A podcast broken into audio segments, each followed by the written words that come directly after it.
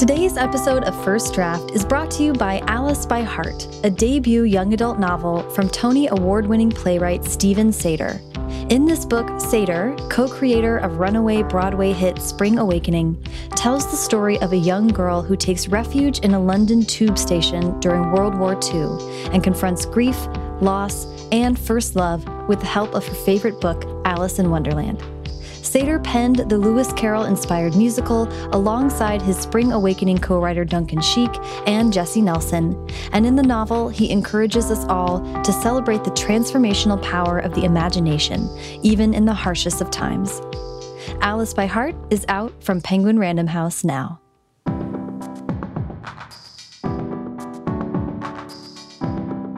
Welcome to First Draft with me, Sarah Enni. This week, I'm talking to Becky Albertalli, New York Times bestselling author of Simon versus the Homo sapiens Agenda, Leah on the Offbeat, and co author of What If It's Us, and Aisha Saeed, New York Times bestselling author of Written in the Stars and Amal Unbound. Becky and Aisha teamed up to write the New York Times bestseller, Yes, No, Maybe So. I really loved what they both had to say about what surprised them about the reality of canvassing for a political campaign on taking anywhere from seven minutes to a full night of sleep to let an edit letter really sink in. And they really get into the nitty gritty of how a book gets co written from writing in school pickup lines to live texting reactions to the complex submission process, and in their case, a very quick turnaround schedule. I was so gratified that they were willing to really get in the weeds on that and give a ton of practical tips and a lot of advice. So definitely stick around for that. Everything that Becky, Aisha, and I talk about in today's episode can be found in the show notes at firstdraftpod.com. First Draft participates in affiliate programs, and shopping through the links on firstdraftpod.com helps to support the show at no cost to you. If you'd like to donate to First Draft, either on a one-time or monthly basis, you can simply go to paypal.me slash firstdraftpod. And if you have a second, a quick and easy way to support the podcast is to subscribe wherever you're listening right now and take a couple minutes to leave a rating and review on iTunes. I have a goal of reaching 300 reviews on iTunes by the end of the month. That's 68 reviews in 11 days. I believe in us. I think we can do this. Uh, a recent example of a five star review is this one left by 19 bucks. 19 bucks says, Love this pod. This podcast is super useful if you're a writer, aspiring writer, reader, or at all interested in the craft of stories. Sarah is a great interviewer, really getting into the stuff you want to know from your favorite authors and writers, and I always learn something new. Love it. Uh, love 19 bucks. Thank you so much for leaving that review. Leaving a rating and review on iTunes only takes a couple minutes, but through the magic of a mysterious algorithm, it helps boost the show and get it in front of new listeners. And if we get to 300 reviews by March 1st, I swear I will host a huge giveaway of tons of books from guests on the show. Finally, if you have any writing or creativity questions that you'd like me and a future guest to answer in upcoming mailbag episodes, please call and leave that question at First Draft's voicemail at 818 533 1998. Okay, now sit back, relax, and enjoy the conversation. Okay, hi ladies, how are you? Doing great. Yeah, we're so good. We're so happy to be on the podcast. Oh my gosh, so excited to have you and thrilled. I don't always get to talk to co writers or two people at once, so this is lovely. I have so many questions for you guys. Becky, you have been on the podcast before, so I'm going to urge listeners to listen to your episode, especially to learn more about where you grew up and how you got into writing and all that great stuff. And Aisha, since we haven't had the chance to chat about this before, I want to dive into that a little bit with you first. Um, so I always start these podcasts at at the way beginning, which is where were you born and raised? Um, so I was born and raised in South Florida, Miami, Florida, in particular. Oh, nice. Um, and how was reading and writing a part of growing up for you? Reading and writing were the two saving graces of my life growing up. I have been reading since I was three years old, and we would go to the library every Saturday, get like laundry baskets and fill them up with books. And I actually didn't even know bookstores existed because I thought it was just libraries because that's where I went every weekend. And so it was a huge part of my life. And writing has always been part of my life. It's I've always, always told stories ever since I was little. Um, my earliest memories are like notebooks after notebook filled with stories that I wanted to tell. Yeah, I, I heard you in an interview say though that you sort of did. You were one of. I feel like there's two kinds of writers: ones who like want to be published from the time they're three years old, and others who don't, who like for whom books are magical things that no human ever touches. yes, that I was the second. I was the latter. I, I really, I just imagined authors as living in um, beautiful villas off the coast of like a Greek town and drinking coffee and contemplating outside, you know, as the waves crashed on the shores. And and so for me, it just felt so out of reach to be an author. I'd never met one. I didn't know what kind of career that could look like. And to be honest, I never saw anyone that looked like me in the books that I read, and neither did I see authors that look like me. Um, and so it really felt completely and utterly out of reach for me. So I love to tell stories. It was just brought me so much joy. But being a published author, trying to be a published author, really didn't occur to me until I was um, in my 20s, actually. Yeah. Um, if you don't mind, I know this is like a lot of background, but uh, if you don't mind, kind I love your story of how I think your first book came to you while you were studying for the LSATs.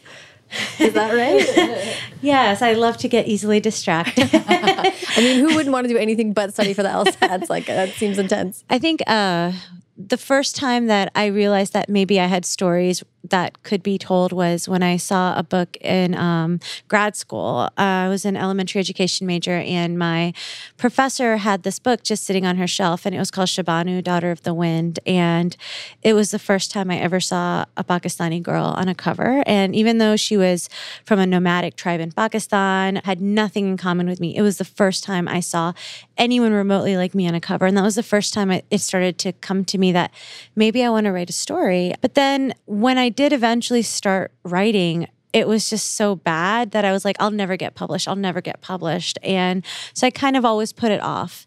And then um, when I was in college and went to law school and I was studying for the LSAT, of course, that's when my muse strikes. and I started thinking a lot about, you know, about the stories I wanted to tell. And I think it was probably because I was about to embark on a legal career, which is a very defined path. And this other path was still whispering to me. Um, and so I started working as an attorney, and what I started doing was following the story. And I would write during my lunch breaks. I would write on the weekends, and it it was terrible writing.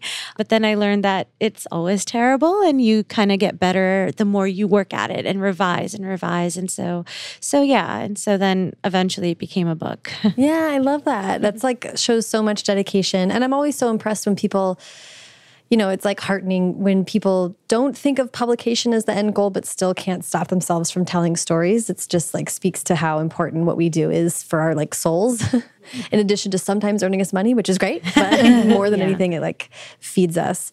I want to actually hear you about how you guys met for the first time because you are both mm -hmm. writers and you live near each other. So we do. Yeah. Yeah. Um, we met, I think it was 2014. It was yes after our debut novels had sold, but before they came out. So our debut books both came out in 2015. And we realized we were both from Atlanta, we're both moms with young kids, and we vaguely knew each other through We Need Diverse Books, which, you know, had started in 2014 um, with many authors, spearheaded by Ellen O. And Aisha was like very much involved and instrumental in getting we need diverse books off the ground. I would say I was peripheral and um, you know just absolutely in love with their mission and and pregnant, um, so a little bit unhelpful, but um, yeah. So we I guess had a couple of things in common. We're excited to meet each other, but you never know like if you're going to click in person. But we had like a almost like a blind date. We went to we this. did. Yeah. Um, this little restaurant in Atlanta called Cafe Intermezzo. Um, we were very nervous to meet each other, and um, fast forward a few years later, and Cafe Intermezzo plays a very important role in our book. yeah, yeah. We just hit it off like right away. And it felt like I'd known her forever. Our kids enjoy each other's company. So it was just nice to get together at each other's house, have play dates and talk. So it was just, it was so wonderful because we connected on many different levels as moms and as writers. Yeah, it feels like something I always have appreciated, but I'm appreciating even more and more is like you just sometimes need a real life connection with writers as opposed to just having amazing people on a forum or on Twitter. Like those are really good, great connections too. But sometimes you just need to like ask dumb questions or you know be like i hate publishing and everything about it which i don't want to say on twitter but i want to talk to my friends about it. Um, so it was it really was great to hear that you guys were like already right there and then able to connect with each other. Um, and before your books came out so you must have been like key for each other. Debut year is like unlike any other Yeah, I mean, I didn't really know any other authors when I signed my book deal. I had no idea. Um, and so it was just, it was really nice to be able to have other authors going through the same thing as you, to lean on, to talk about, to know you're not alone in your worries really helped a lot. I love that you were able to connect really early on in your careers, and then you both have gone on to have many books come out and do many exciting things. Um, but I'd love to hear about what brought you together to write a book together. Yeah, you know, I think, um, well, we've always been really big fans of each other's books. And I remember I read Written in the Stars, Aisha's debut in ARC form. And I think you read Simon Yes. in ARC form. Yeah. And so we love the idea of writing a book together. But that's the kind of thing I feel like a lot of us authors say that maybe like we should totally do that. And um, so it's still a little bit. It's like, Like, a daydream. Yeah. it's- I, I can't believe we did it. So, I mean, I remember um, you were at my house in the basement and with the bouncy house going, and the kids are playing, and we're both like, "Ooh, we should totally write a book together." And we're like, what, "What's it going to be about?" We're like, "No idea," but there should be kissing in it. I think there should be a lot of kissing in it, um, and that's about as far as we got. I think that day. but then um, I think really, so it was always at this wishful stage. Um, 'cause we had our other projects going and um, our solo projects, but then 2016 happened and the election happened. we were so innocent. It's like before that, it was like bouncy houses and kissing and daydreams, and then 2016 happened. Can, do you have any like soundtrack to go with that? yeah. Oh my God. Yeah.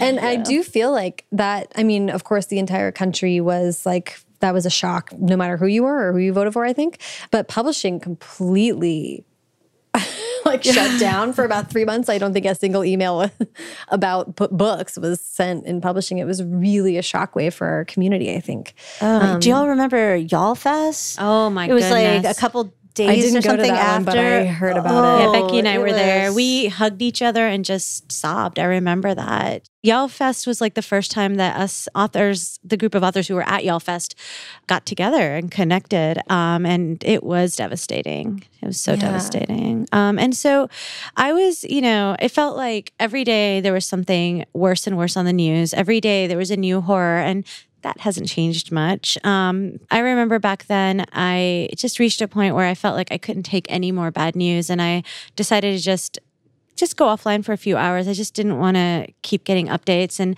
I texted Becky and I said, I just can't take the news anymore. But if anything good happens, please send me a text. And I was, you know, pulling into Costco to do some shopping. It was going to be either Costco or Target. Yeah, one of the two. Um, this time it was Costco, and I parked the car, and there was a text from you, and you said, "Well, you said only contact you if there's good news, and here's some good news." You want to share what? Yeah. So, um, you know, so the news that caught my eye at that time was about a special election that was going to be happening in our district. So we live in the suburbs of Atlanta. It is the sixth district in Georgia, which periodically makes national news. And it has been a very Republican district for a very long time. I think 40 years or something. We sent Newt Gingrich to Congress. Wow, I did not realize that was yeah, where yeah. Newt Gingrich came from. Wow. I know. We are yes, no, sorry. maybe so. Wow. Is from Newt Gingrich's district. So, um, yeah, so that's kind of like our sweet way of cussing Newt Gingrich. Yeah, Um, I love that. But, but better than he deserves. So good job, guys. it's far better than he deserves. But yeah, so it's you know that's um, been sort of the status quo where we live. We had been represented for a very long time by you know a Republican who was after Trump got elected promptly elevated into Trump's cabinet. He later went on to resign in disgrace, you know, but as they um, often do. as they often do.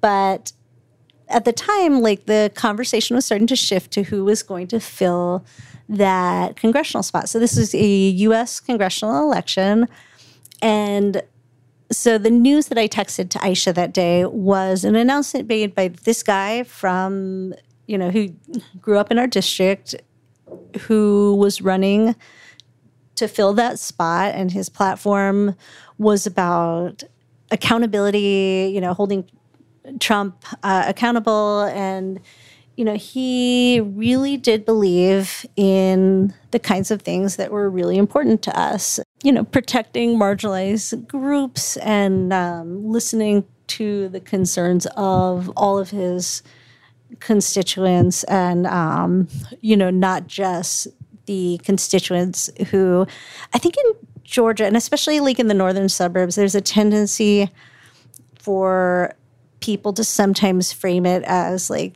you know you have these kind of white republican christians who are like the real georgians. That's who's like really from our district. And then everybody else it's like we're portrayed as I don't know. I like. I think they think that like we are shipped directly from Hollywood and Brooklyn or something. I don't know. Just extras there to pad out the scene. yeah, like I, I almost don't. I think like there are people like neighbors of ours like don't believe we're real Yeah, Georgians. sure. We they don't believe like we are real six districters. I was like born and raised there. I lived there my whole life. Yeah, and so um, so this open seat, Jon Ossoff was running, and we decided let's do something because I mean we were frustrated, we were upset, and yeah, we were donating to candidates and causes that we cared about, but we wanted to do something tangible that we we were actually maybe seeing like an actual effect from it. And so we decided let's canvas. Let's canvas for this candidate and we did. So you know, to be honest, when um when we decided that we were going to go canvassing, I took it on as a civic duty. I took it on as something that we had to do that it was important to do and we wanted to do, but I did not think it was going to be anything that I remotely enjoyed. I took it on as a job, something you do. And um, so Becky and I went to the campaign headquarters and we got the little packets and it was nice because just like Becky said, like there's this perception that our district is just one type of person, but you go there and you see all these other people who are also from our district, uh, who have a range of diversity of opinions and beliefs, and who are all united in this particular cause. And um, so, yeah, we got our packets, we went to the neighborhoods, we canvassed, we knocked on doors, and it turned out that it was actually not that bad. And it actually felt really good and cathartic to do something, to knock on a door and let somebody know that there's an election coming up. Um, it just felt really good. Yeah, I wanted to ask just in case um, I kind of see this as an opportunity to have you guys talk about the nitty gritty of like what you do when you canvas, just in case someone's listening who has been too nervous to do it.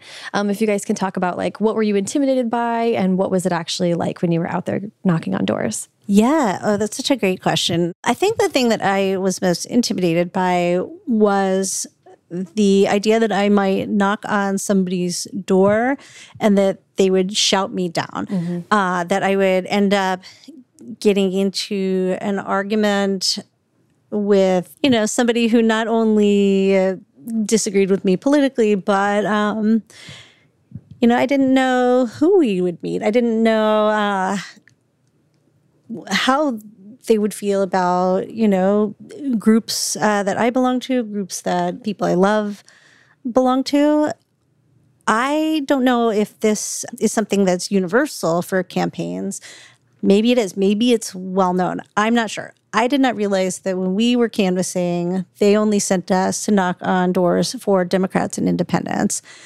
And the minute they told me that, it was the biggest relief. So yeah, it was- same here. Yeah, it was just about turnout and and spreading the word Just of the election. people. Yeah. exactly. Yeah.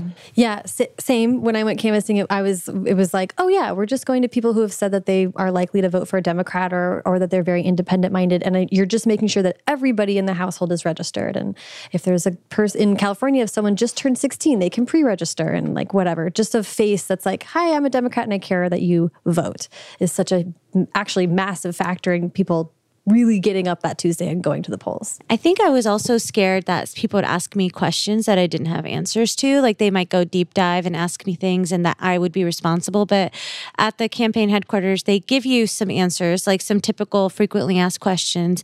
But that if you don't know beyond that, you just say, Oh, I'm sorry, I'm not sure about that. But you can go to the campaign headquarters, contact the people, ask them your question. So you don't have to be an expert to canvass. You just have to believe in the candidate and in getting this election, um, the election results that we're hoping for. Yeah. It also like doesn't take 48 hours. You know what I mean? Like it's not like the your whole entire life is going to be just going door to door, you know? Like it's like a Saturday morning and then you can go on with the rest of your day after that. Yeah. Which was nice to remember. I was like, you just wake up early on a Saturday and then you have your whole afternoon. Yeah. Yeah, unless you're a character in Yes, No, Maybe So. But the only reason it takes over your life is because you're canvassing with somebody you have a crush on. Mm-hmm. Yeah, that can make things more complicated. yeah, you end up wanting to do it a lot. Then. That's so true. It's um, actually it's actually funny. I've I've even read an article. I don't know if I sent it to you, Becky, about canvassing and political activism is a new place that people are connecting and falling in love. so I love that. we were ahead of our time. I love it. You guys totally called it. Um, it does also, I'm interested in how, so when you are author friends, you can connect over kind of a sh- like sharing ideas um, about stuff that we really care about, like um, not only themes and, and literature, but also like the act of writing and the ideas behind themes and, and how you write. And then connecting with people over political beliefs is like similarly really deep and to the core of what you believe in. So, had you guys fully talked about what you believed in before? Or, I mean, it's it's cool that you got to know each other in this kind of other really personal way. We've talked a lot about our faith with each other and um, and the marginalization that's been sharply increasing with every passing year for both Jewish and Muslim communities. And um, so, yeah, I think I think we connected deeply on a lot of these different levels and had lots of different conversations about those issues and how they affect our families and our fear for the future and what that might look like. We have young children that are growing up these days, and this is that this is all they have memories of is is life like this. Um and so yeah those things were definitely heavy on our minds. Yeah, you know, I like I don't think we ever set out to kind of discuss whatever political topic, you know, was happening in the news or something. You know, we never really sat down to unpack those beliefs, but it's just after 2016 like that was just like so like right there for both of us and it affected absolutely everything. Um so it was um you know it's very much a thing that we were on the same page about and i think part of the process for us when it came time to transform those beliefs into a story the kinds of decisions that we had to make were like how unapologetic are we going to be? Like can we say they're democrats? Mm-hmm. Like we do. And i don't think we realized until after we did that and kind of put it into the world and kind of saw some early reactions to it. Out of everything either of us have ever written, which I, I do think kind of the two of us have written some books that I, I think all of our books are very political. But something about calling these kids Democrats and like putting the label on it felt like a bold move to some people. It did. It really did. Um, and that was kind of surprising because what party did you think we belonged to? Like, how could this be a surprise? And I think, you know, we were really. We were really intentional about it because at the end of the day, unfortunately, there is one party that is making many communities feel very unsafe with the policies that they're putting in. And um, I think we're past the time of tiptoeing around that. I think we have to call it what it is, and um, and we did in this book. It was really interesting. So on the flight from Atlanta to Portland, we watched Long Shot, which we'd both been meaning to see for forever. Um, and, you know, we synced it up together so we could like watch it together on the plane because we're really extra like that always. So. It's, it's about, um, I think, is it Charlize Theron running for the, uh, uh, you know, who's, she's playing somebody that's running for to running for president, and then um, and Seth Rogen is like a journalist, and, And but he writer. knows her. Yeah, we both really enjoyed the movie, but one of the first observations that we made about it afterwards was, you know, they were very vague about political parties in that movie, and it made us, you know, it made us really curious about what conversations were had behind the scenes. Mm-hmm. And, you know, and and for me, like I don't know why certain creative decisions were made there, but I felt very grateful that we were able to write this book without, you know, having to worry about like, you know, just having to make back millions and millions of dollars Right, in right, the right. theaters, you know, in Yeah. every state. And um, we had a team at HarperCollins who was all in, and they did not try to pull us back with any of the politics. Uh, they were willing to go with us as far as we wanted to go.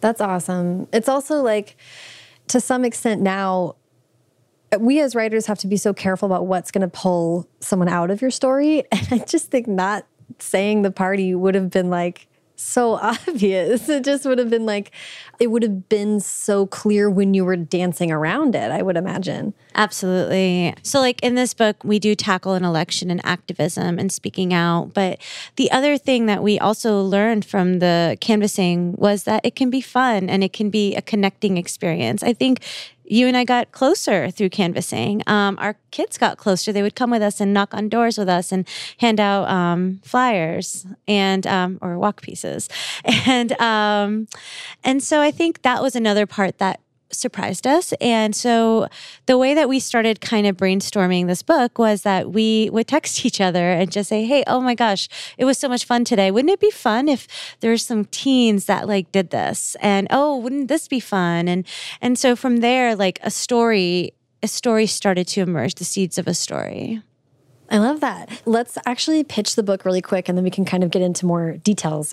You know, I think the way we tend to describe yes, no, maybe so. If we're in Atlanta, we just call it Jon Ossoff fan fiction. I, I read you call it that somewhere, and I really love that. Yeah, it's, it's probably very- the first time Jon Ossoff has had fan fiction written. I I mean, I, I know. shouldn't say. I don't know. He is but- very aware of our book. He is very, Jon, if you're listening to this, like, we love you. We're so excited for your Senate run. Um, Is he running we- for Senate? He's Yeah, running he for. Senate in I Georgia. yeah, that. Oh we my are a purple state this year. We have got two Senate seats on the line. Oh my Um, gosh. So if you're listening to this and you can vote and you vote Democrat, um, please vote. And if you are a Georgia voter like us, let's get ready because Yeah. I, I do feel like, you know, Georgia, we have a shot in November. That's not the pitch of our book. No, but but as a quick as a quick side note, because I, I won't forget the book, but I want to make sure we don't forget this point because I was going to ask you guys.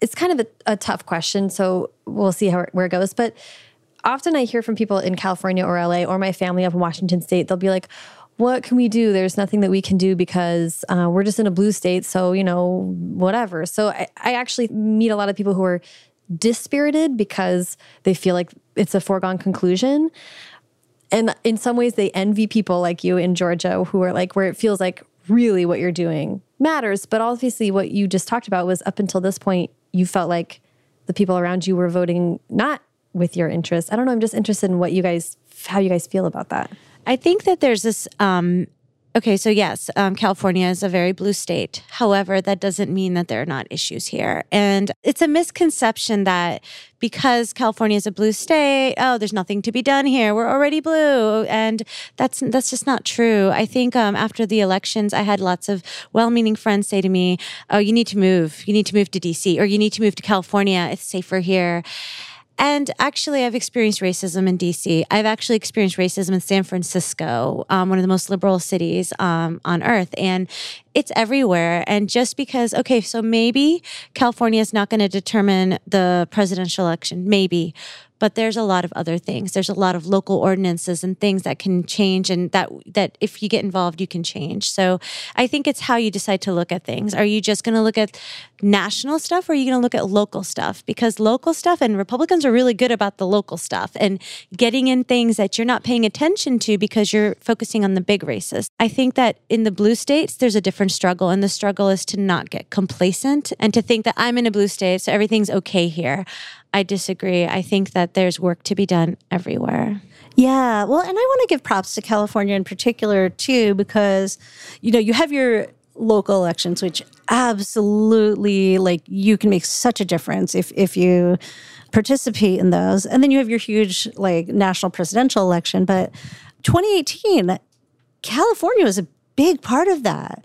Like, the mm-hmm. Democrats mm-hmm. took the House and a lot of those seats were picked up in California. Mm-hmm. So, um, you know, and obviously that doesn't apply to like every single district in the state. But yeah, in addition to these local things, like you can uh, be supporting races that are happening that may not be in your district, but are nearby. Like I care a lot about elections that are happening in Alabama, Florida, the Carolinas, um, Tennessee, and Kentucky in particular for me, you know? Yeah.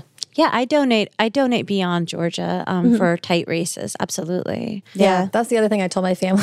this is like oh. I appreciate you guys just helping uh, build a chorus to my family because I was like, I was like, well, guys, you, there's local stuff, and also you can write postcards for districts that aren't yours. You mm-hmm. can donate to districts that aren't yours. You can phone bank from anywhere. It was like, there's no excuse not to be engaged this year. Literally none. That's true. yeah. So I guess the pitch for the book. Yes. Let's, yeah. yeah. the book actually before I did like maybe like I feel like the pitch for the book is like the big surprise at the end of the podcast now. But no, but like one other thing too, kind of, and you had mentioned up until very recently, we had felt like mm-hmm. you know our district was voting consistently in a uh, different way than we wanted it to. I think it's worth mentioning kind of the way that the election that our book is based on played out. Mm-hmm. And yeah. if you were following politics closely around 2017, you know, the Jon Ossoff race got some national attention because it was seen as the first test of the resistance, and um, people poured a lot of money into it and put a lot of weight on this one race. And Jon Ossoff lost very narrowly. Um, it was extremely close, and we were devastated. It was the absolute worst we'd felt since November 2016. Um, and just, you know, in our communities online, like the book community, which is not largely based in Atlanta and Georgia, there was a lot of despair um, and a lot of anger towards Georgia, which I get.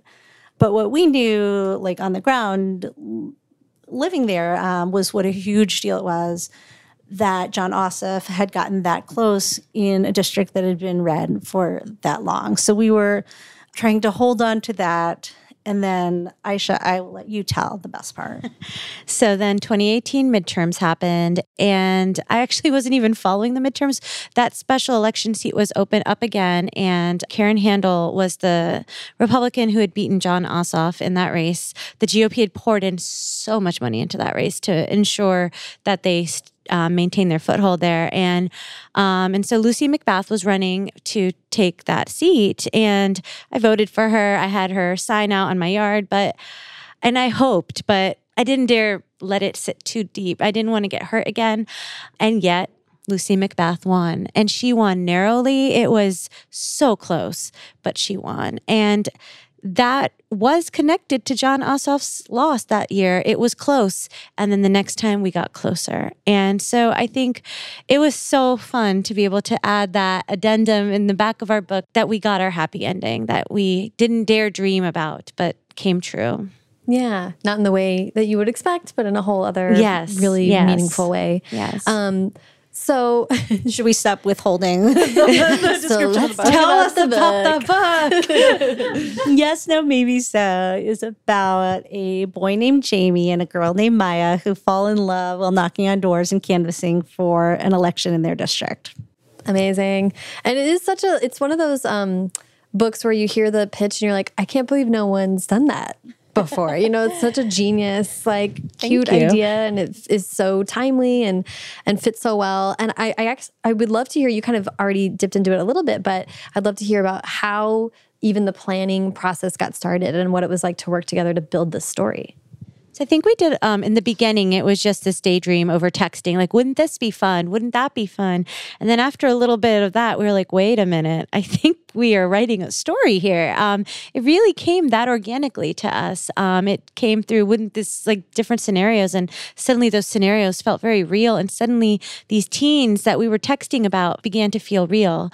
And um, and so then we met up at Cafe Intermezzo, and we had our notebooks and laptop, and we just kind of started coming up with some beats for what this story would look like, and who some of the characters would be, and we just we brainstormed, we just talked them through, and from there we had a really rough, uh, like I think we made like a two three page outline. I still have it, um, where we just wrote down like all the different like ideas that we had. Um, so that was the beginning. Yeah. And then, you know, from there, we took that like beat sheet or that early outline. Um, and ultimately, we ended up putting it into a very detailed, like chapter by chapter outline. Um, so it wasn't, you know, Roman numeral ABC format, but it was like chapter one, uh, big, you know, paragraph of everything that happens in chapter one. And, you know, we mapped out the book scene by scene that way. And of course, some things Oh yeah. change. plenty of things change. but it gave us a roadmap and it gave us a way forward um, because so Becky was writing Jamie's character, Jamie's point of view chapters, and I was writing Maya's. And in order for us to to do that most seamlessly, it helped to have that outline, to know what was coming next, and to be able to plan ahead and plant the seeds for the future um, in certain chapters. And then, of course, we revised and we went back and you know changed things as you always do. But it was a great way to to dive in. Yeah, and you know, one of the things that was really interesting about the process, and and you know, this is my second collaboration because I did "What If It's Us" with Adam Silvera, um, and that was this is something that struck me then too is how well you have to know the other person's point of view character. Uh, we get asked that a lot. Um, did you like each only write your point of view character? And yes, but um, you end up writing a lot of dialogue for the other person's character. That dialogue has to feel like that other character. It's got to be as real as their point of view chapters. Yeah. So even though I wrote all the Maya chapters, I, I had to get into Jamie's head to think about how he, you know, would feel about certain situations. And I think whenever we talk about these teenagers, we just call them our teens. They're both ours. Um, we love them both equally, and we even have Bitmojis of them. Maya um, Maya has her own Bitmoji on my phone, and Becky has a Jamie Bitmoji, and we'll text each other with our Bitmojis, and um, we just love them. We really. Um, we really fell into this world and um, and we shared this world together completely it was really such a special experience to get to share those early early moments that are usually all alone by yourself with somebody else who can partake in the frustration of maybe a certain stumbling block and can also share in those joys with you. Yeah, and I think too because this book is um, so personal for both of us in so many different ways, we learned a lot about each other, and I think you always become really close in co-writing. I think also it's a good idea to already be close with somebody. Highly that recommend that. highly, highly recommend that uh, from somebody who um, has had a wonderful experience twice.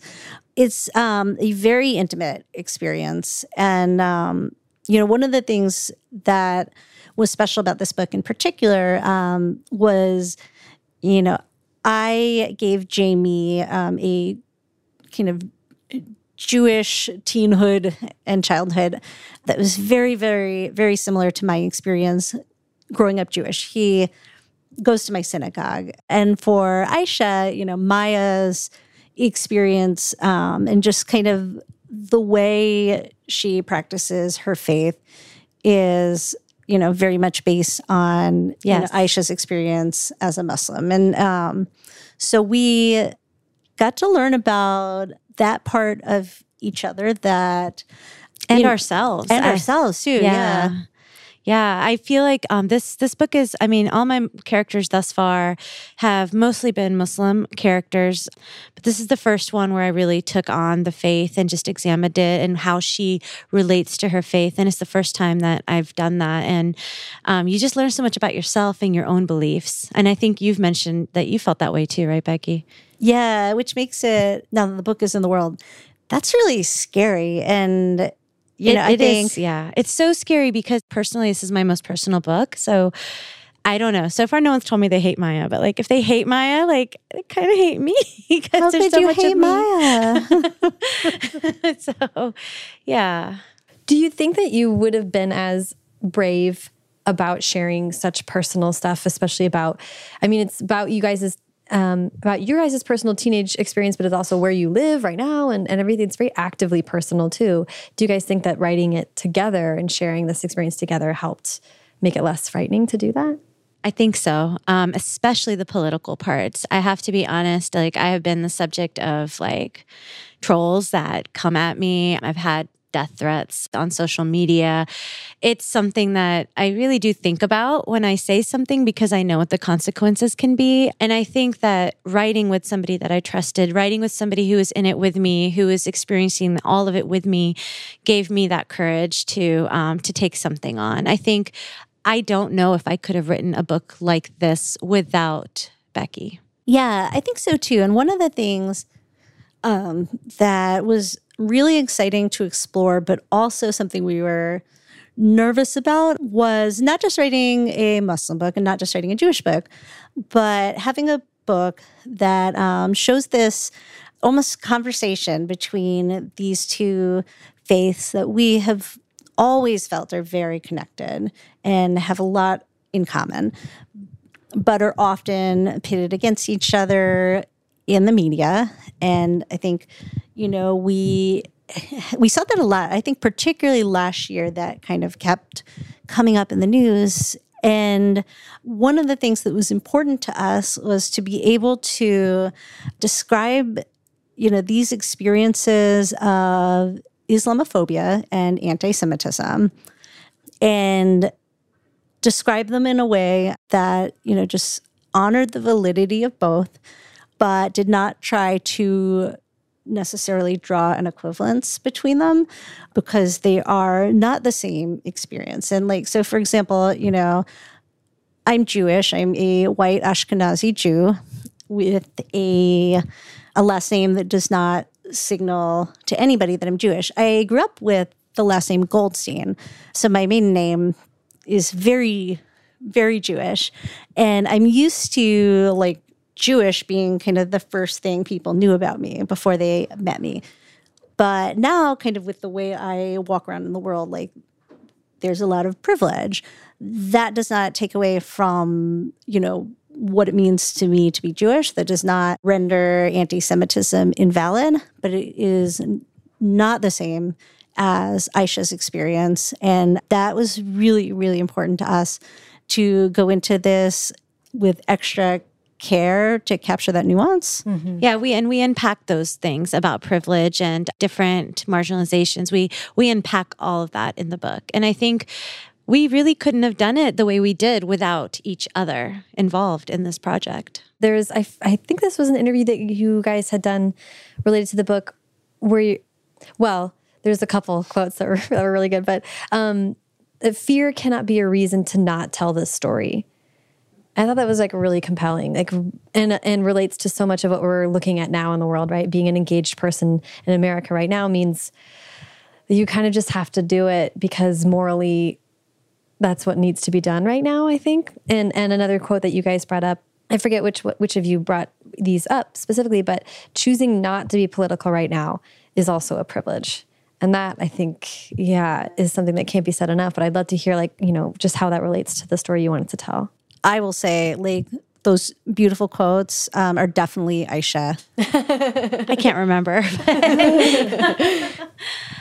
um, yeah, I think um, I think there was perhaps a time that we could say that, oh, I'm not political and I don't get into politics. But the truth of the matter is that po- politics affects our lives. Politics are the laws that get put into place that separate families from each other, that ban entire communities and nations from coming into the United States. There's no such thing as being apolitical anymore because the truth of the matter is that politics affect so many people in particular marginalized communities. And so when you're saying that you're not political, you're saying that you're not tuning into those politics that affect marginalized communities, and that's a political stand that you've taken. There's no such thing as being apolitical in this day and age. Yeah, I think since the on, you know, we need diverse books sort of like predated 2016 obviously and like a lot of like what we're, doing now but it was so prescient in so many ways i think because it's it's been interesting to be like oh yeah I remember 2009 twitter? When you could be like i don't know who votes for what it was like a different world. Now it's it now it's if you if you speak your mind and and talk about what what matters to you then it becomes apparent very quickly how you're and the stakes are just so high. We we can't afford to be afraid. The stakes are too high, and the people who are going to pay the price are the people who are the least safe to defend themselves. Um, so. I want to ask about, you know, we're talking a lot about how serious this is and the very kind of intense and nuanced conversations that you were threading throughout this book. It's also a love story that has kissing and cute banter and lots of fun side characters. So I just would love to hear like how you sort of found a tone and maintained a tone also as two writers having a tone and a sense of uh, flow of dialogue and stuff is challenging um, i'd just love to hear how you tackled that Yeah, I think um, I love this question too because, you know, even during the parts of the process where we were not explicitly talking about this, that question was always present. It was like, how are we going to be able to tell this story that we always knew since the bouncy house days that we wanted it to be about kissing? it's the one thing we knew. You also know, can i i just want to refer to pre 2016 as the bouncy house days for everyone forever the bouncy house days. we were so young then I know. sorry becky go ahead Yeah. So, so then, um, after the bouncy house deflated in November of 2016, that love story and um, the kind of rom communess of it was not less important. Um, It's even more important to hold on to our joy during these difficult times. I think that something that these policies have in common is that they're designed to create fear um, within marginalized communities, a reminder that you don't belong, that we don't want you here. And so I think saying, you know what, no, we do belong and we're going to love each other. We're going to kiss. We're going to have laughter and humor and relationships in spite of you wanting us to not have all of that.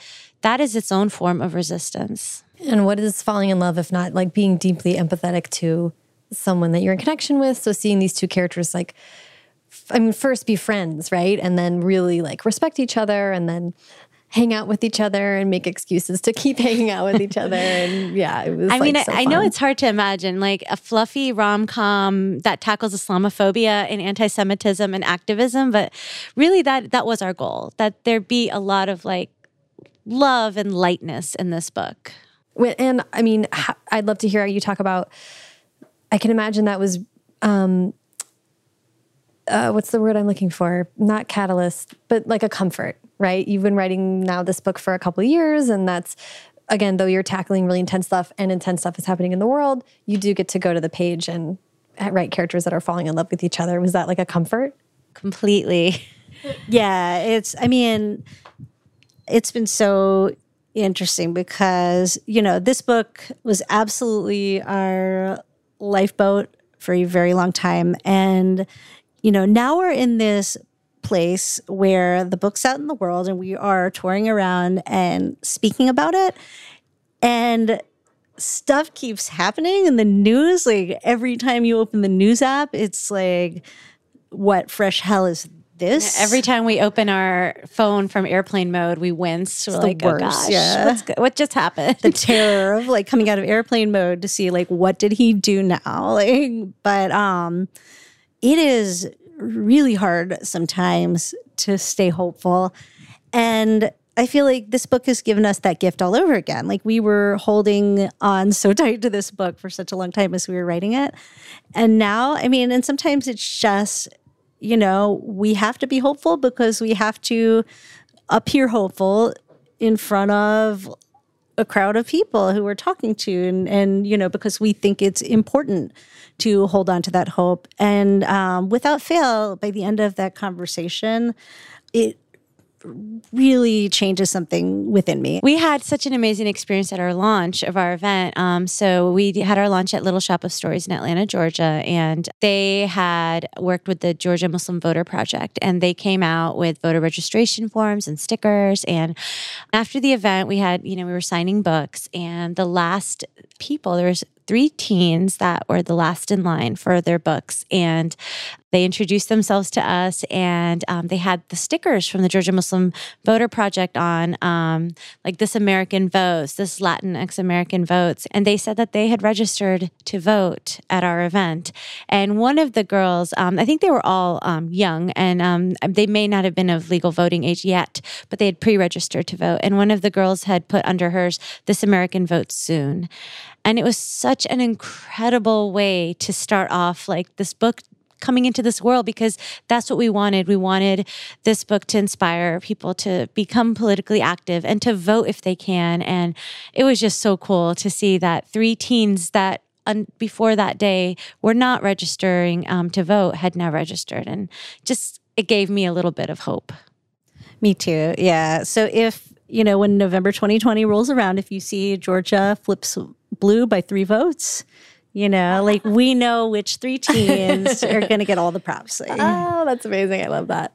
One last question, and we'll just see where this goes. But Aisha, you had a really interesting quote that actually this is about. Um, I'm like, which one? This I believe is about Amal Unbound. Um, I'm just going to read a, a quote to you. I'm going to read you to you. As a Muslim and a Pakistani American, it was a balancing act for me to not only differentiate faith from culture, but to also be sure I highlighted an issue in Pakistan without vilifying the entire culture. All cultures have problematic aspects within them that need addressing, but this does not eliminate the goodness, beauty, and warmth that is also present within them. And I felt like, oh, that's so present in this book. It's like we really need to have a thorough and critical conversation about like democracy and what is going on in America right now. But that doesn't mean that we're not like still living here and loving families here and raising kids here. Like, I think there's some fear on, I mean, this is a generalization, but I think there's some fear on some people on the right that if we have these conversations that it'll all explode or it means that you're not American or that you don't love this country. And, you know, I think it's so important to have voices like ours say, we're Americans too. We just want to talk about it. Like, it's not perfect. It's not going to kill us to try to make it better. I don't know. I'm interested in if that if that was like super present in your mind. Yeah, I think um, I think that's definitely present in my mind. I think sometimes, you know, because a lot of my stories, two of my stories were set partly one partly in Pakistan, one entirely in Pakistan. You know, I would often get comments like, "Oh, it sounds so tragic over there. Oh, how sad. Things are so messed up over there." And I always was I always found those comments really interesting because it absolved people here from any responsibility. Like everything's great here. Oh, you poor people over there. And so it was fun to write a book set in the US, something that's very um, you know, in Atlanta where I live and to explore issues where I live. Um, and that's why I call it one of the most deeply personal stories that I've written because it's examining my home and it's examining my world and the issues that I face and that my kids face. Um, we are not exempt and we are not above issues and that need addressing and solving. Yeah, and I completely agree. And I think, you know, having these conversations, I think holding ourselves accountable when we need to, and just like bearing witness to these aspects of, you know, our country that we love and live in, and it's our home. Um, but these conversations are so patriotic. Like, that's what patriotism looks like to a lot of us.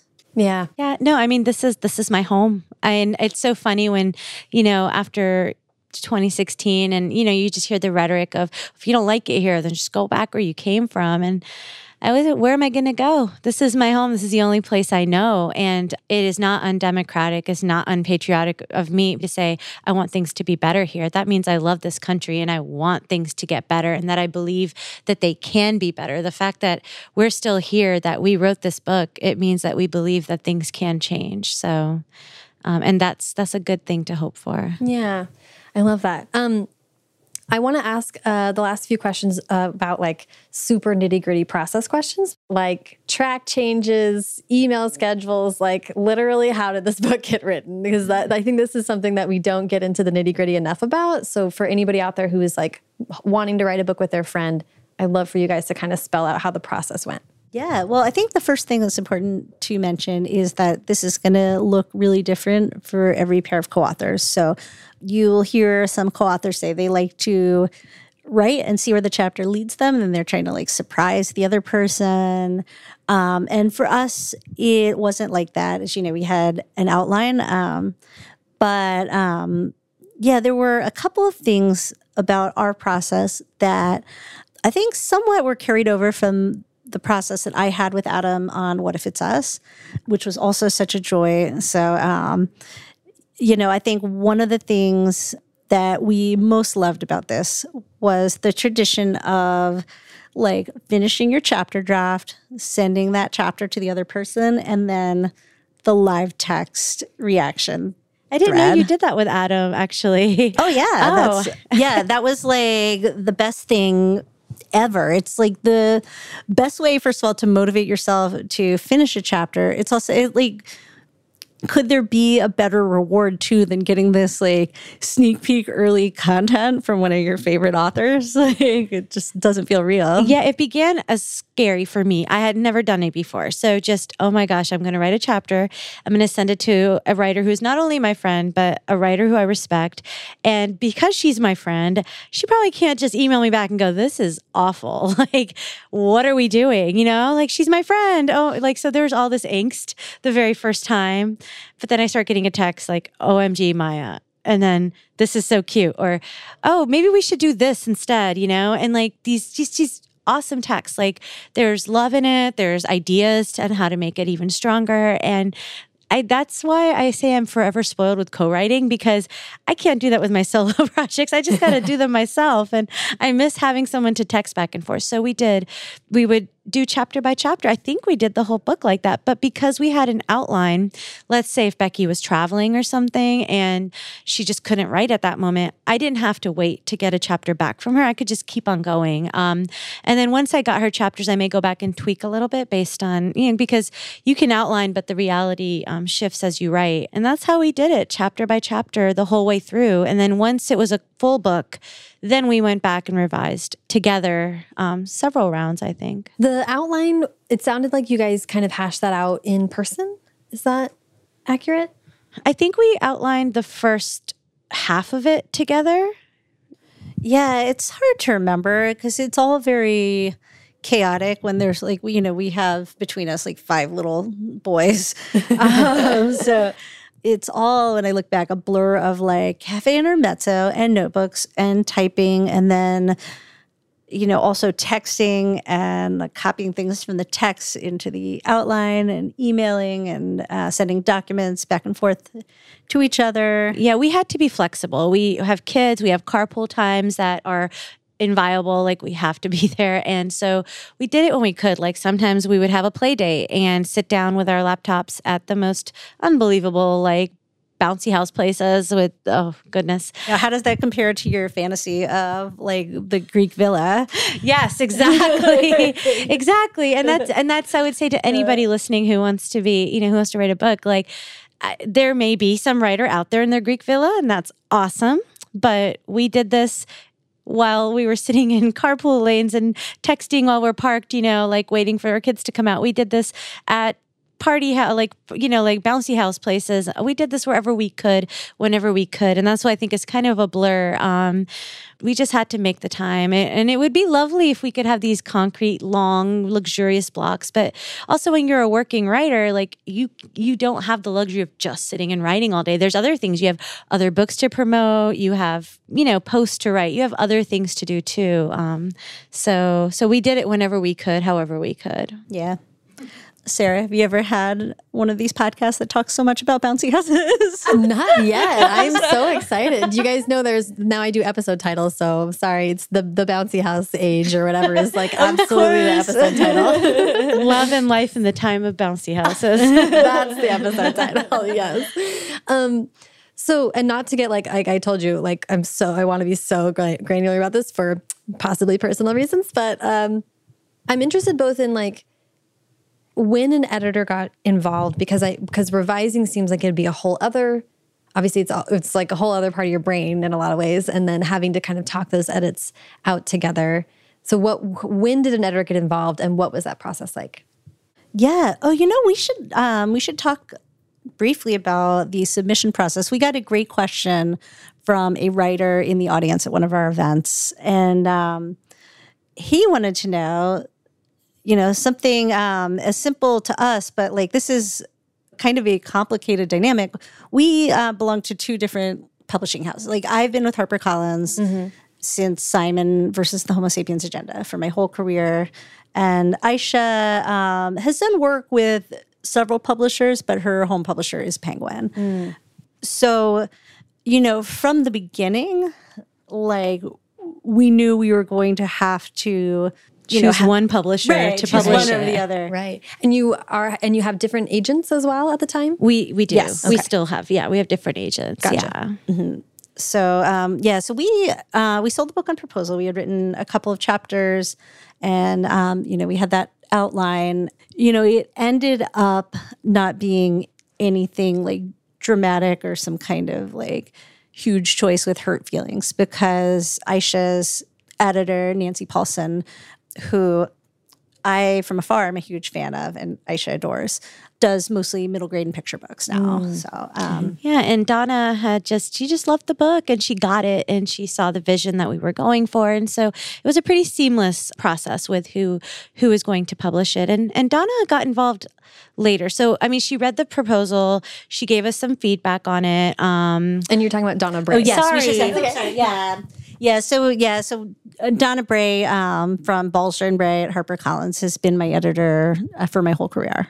Yeah, and I adore her. I'm such a big fan of Donna. And so she, you know, we finished writing the book and we turned in the whole book to her mm. and then we got notes back, just like we do with most of our projects we finish the whole book and then we send it to our editor and at that point they jump in and um, this was my first time working with donna on a project and i really appreciated that she wanted to get the story where we wanted to get it to. And she understood that as the goal. The goal was to sharpen the vision that we had. So she helped me a lot with my Maya chapters, like to make sure that the right tone was coming across. And um, and sometimes for me, like there's a lot of things that are intuitive because I am Muslim and it's my world and and so just clarity but subtle clarity because nobody wants to be didactic in a book so just being able to explain things without explaining them, she really helped me um, hone in on all of that in the revisions. Yeah.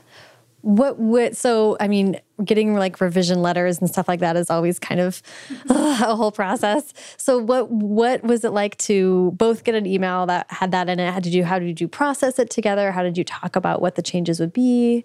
Gosh, well, I'm a veteran of the Donna Bray letter. Um, I adore my editor too. Yeah, but I know like so she's um she like doesn't hold back. You know, she's a very um, thorough editor, and when that letter lands in your inbox, like I at this point no, for me, it takes seven minutes. Like I will read the letter, and for those first seven minutes, I am feeling like all kinds of contradictory things where I am simultaneously the worst writer who's ever like dared to put a word on a page. Like I am just trash.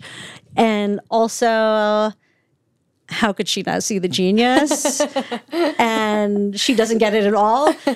Yeah, and everything was perfect the way I had it. uh, and those like those thoughts exist at the same time for like seven minutes, and then after that, I'm like, oh my god, she's right about everything. yeah, my husband at this point, and this trans this um transcends all publishing houses for me, um, is uh, you know, he he now knows the drill. I get a letter and I'm like, this is awful, it's not right, it's not true. I'm done with this. What why do I write? Why do I write for a living? This is terrible.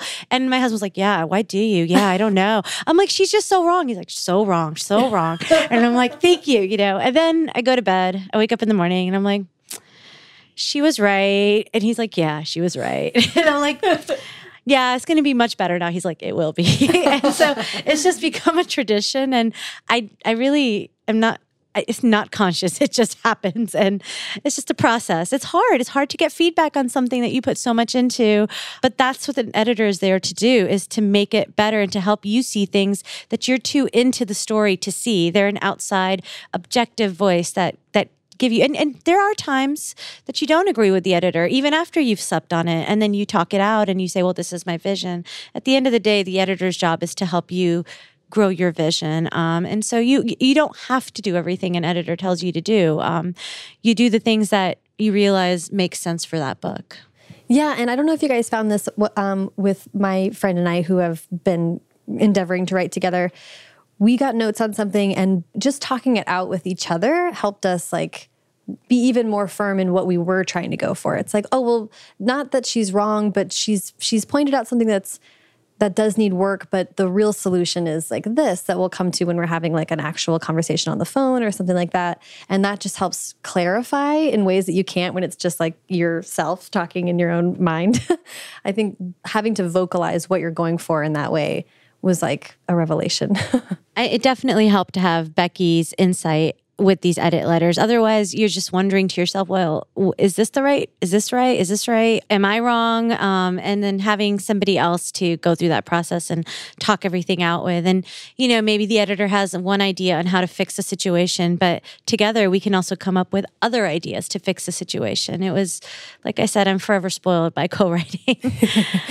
the, the, the last part of this that I want to ask about is about like, kind of career focused like um, you guys looking at you both have many projects going on that are your own or with other co-writers. And i'm wondering how you thought about you know when you started to get serious about this project how did you think about the timing of it and where it fit into your schedule? Everybody only has so much time. So what was the process talking that through with each other that always is really complicated like the logistics are a big deal and i think you know, these kinds of scheduling questions are why, you know, Adam Silvera and I started talking about co-writing in like 2014 before we'd met in person, which is not wise, but it worked out.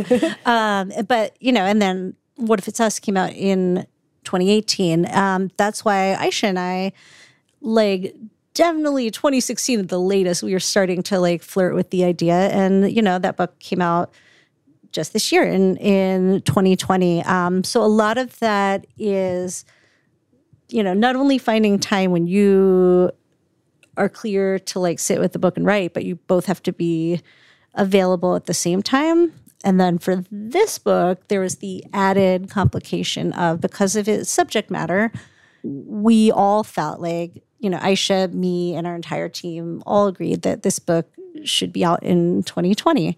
When I would say by the time we sold it, most of the other books being sold around then were 2021 books. So this was very much um, on an uh, accelerated yeah. schedule. Yeah. And in some ways, that's kind of great to have be clear. You like, then everything has to make room for this thing that must happen in 2020, which is kind of cool. Because um, otherwise, things can kind of drag out or get shunted around. But so does that mean that you that you it was kind of like put everything aside and like let's go full speed ahead on this i did yeah i definitely this was this was it and i this was going to be my focus and i think that was that was important because of the timeline that we were working with yeah and same for me and and for me it also like worked out really beautifully because i had a very intense year in 2018 with like two books and the Love Simon film. And I had no books out in 2019, which was a delight. And so that left me with a lot of time, well, not a lot of time because like time just disappears, but like it, it yeah, the, Yeah. the headspace um, to to really focus on this and sit with this story. Yeah. And mm-hmm. how long are we talking from actually selling the book to being like turning in the final edit? I think we sold it in October 2018. I think Something like that. And then I think we were done by April 2019. Yeah. Okay. Wow. That's pretty quick. Yeah. Good job, guys. that was very impressive. Um, but yeah, I mean, goes to show like when you put your head down, you can really get a lot done, especially when you're co-writing and having and sharing the burden. That's the other best thing about writing is I'm like, oh my gosh, this chapter just happened. I didn't have anything to do with it. It just appeared in my inbox. What a joy. Oh, it's my favorite thing. The other best thing too is you get to like completely, wholeheartedly um, love at least half the book in a very uncomplicated way. I still think the Maya parts are perfect. They are, and um, I think the Jamie parts are perfect. yeah. no, honestly, and I really mean that because I feel like um, I can never, I don't read my books again once I'm done writing them because I've gone over them so many times, so many times. But this book has been different. I've actually read it. Like I've picked it up and I read it again, and I. And it wasn't, it was just, it brought back so many memories. Like just reading, like, you know, a chapter where Maya's like crying and then Jamie hugs her. And I remember where I was and I remember Becky's thoughts about that moment. And so it's, it's not, it's, it's the story, but then it's also the story of how the story became um, that also speaks to me as I hear the story. So it's, it's, it's one of the books that I feel like I can unabashedly love because I got to write it with somebody that I love. And I think that just makes it one of the most special books I've written. Yay. Oh, I love that. This has been so fun, you guys. I really appreciate I usually wrap up with advice, but you have given so much amazing advice along the way. I think we got it covered. Um, it's been a joy to talk to you. Thank you so much. Thanks so much for having us. It was a joy. yeah, thank you. Awesome.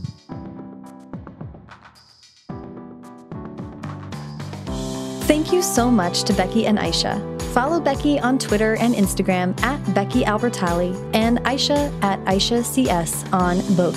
You can follow me on both at Sarah Enni and the show at First Draft Pod. Today's show was brought to you by Steven Sater's Alice by Heart, which is out from Penguin Random House now. Haley Hirschman produces First Draft, and this episode was produced and sound designed by Callie Wright. The theme music is by Dan Bailey, and the logo was designed by Colin Keith. Thanks to production assistant Tasneem Daoud and transcriptionist at large Julie Anderson. And as ever, thanks to you, future political canvassers, for listening.